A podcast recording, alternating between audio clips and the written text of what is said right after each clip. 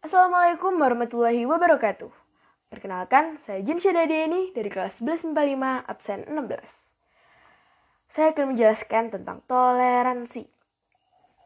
Kalian tahu gak sih, toleransi itu terdapat loh dalam Al-Quran, yaitu di Quran Surat Yunus ayat 40 dan 41.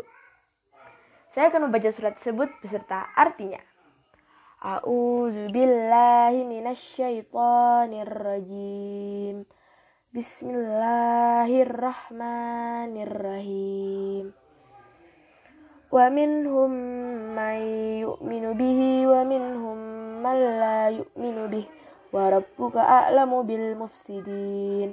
Wa in kazzabuka fakul li amali wa lakum amalukum antum bari'una mimma a'malu wa ana bari'um mimma ta'malun. Sadaqallahul azim. Yang artinya, dan di antara mereka ada orang-orang yang beriman kepadanya atau Al-Quran, dan di antaranya ada pula orang-orang yang tidak beriman kepadanya. Sedangkan Tuhanmu lebih mengetahui tentang orang-orang yang berbuat kerusakan.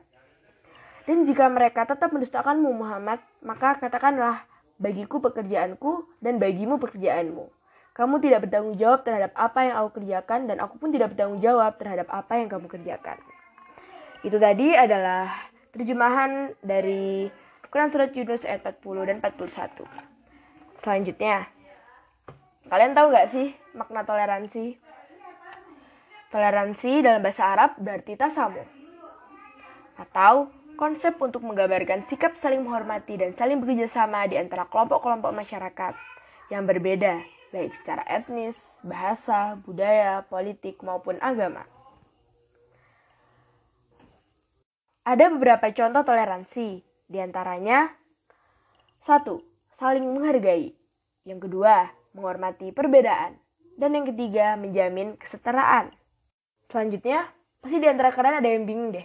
Bagaimana sih cara mengaplikasikan toleransi di lingkungan kita, terutama di lingkungan keluarga, sekolah, atau masyarakat?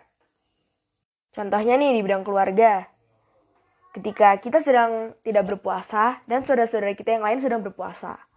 Kita tidak boleh makan di depan mereka.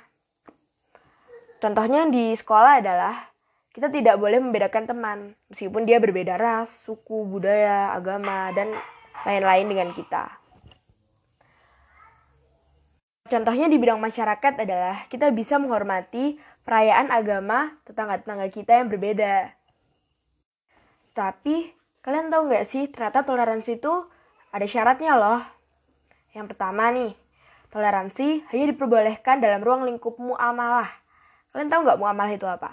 Muamalah adalah hubungan manusia dengan manusia yang lain atau hubungan sosial yang berarti kebebasan dalam beragama dan menjalankan agama. Syarat yang kedua adalah toleransi tidak diperbolehkan dalam akidah dan ibadah. Atau jika kita beragama Islam, maka kita tidak diperbolehkan mengikuti akidah dan ibadah agama lain. Sebagai contoh, mempersilahkan orang yang berbeda agama dengan kita menjalankan akidah dan ibadah sesuai dengan agamanya. Oh iya, saya mau bercerita nih tentang toleransi ala Nabi Muhammad. Dengan baik-baik ya. Rasulullah adalah tokoh teladan terbaik dalam mengajarkan sikap toleransi kepada umatnya. Toleransi merupakan sikap untuk mengayomi orang-orang yang berbeda keyakinan, dan kedudukan yang tidak menebar permusuhan. Rasulullah tidak hanya sebagai nabi, beliau juga kepala keluarga, panglima perang, dan kepala negara. Kedudukan dan kekuasaan yang diperolehnya tidak menjadikannya sebagai orang yang bertindak kasar dan keras.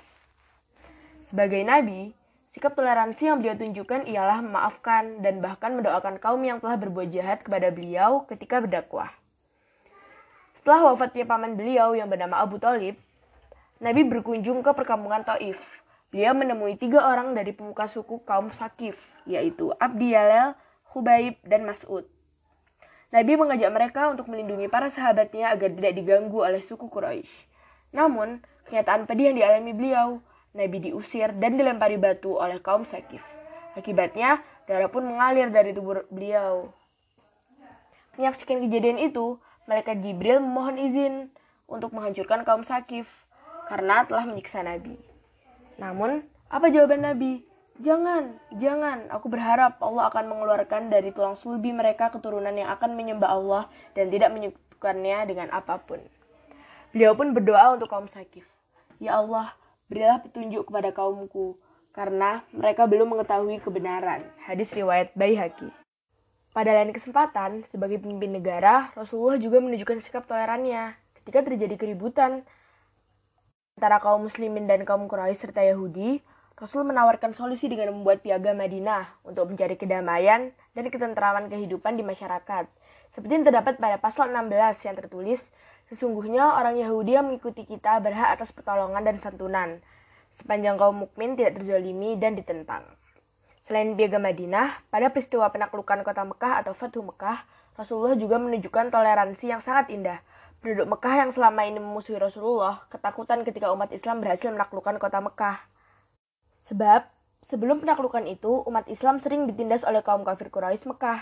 Tak jarang mereka juga menghalang-halangi dakwah Rasul, bahkan hingga bermaksud membunuhnya.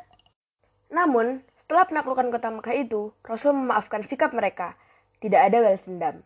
Kekuasaan yang dimilikinya tak menjadikan diri Rasul menjadi sombong atau bertindak sewenang-wenang. Ketika penduduk Quraisy menanti keputusan beliau, Rasul bersabda, saya hanya katakan kepada kalian sebagaimana ucapan Nabi Yusuf kepada para saudaranya. Tiada celaan atas kalian pada hari ini. Pergilah, kalian semua bebas. Hadis riwayat Baihaqi. Oke, itu tadi adalah contoh toleransi Rasulullah. Pantas bila beliau menjadi suri teladan bagi umat Islam dan dalam berbagai hal. Hikmah yang dapat kita ambil dari toleransi adalah satu, Menerima perbedaan. dua, Menghindari perpecahan. Dan yang terakhir, memperkokoh silaturahmi.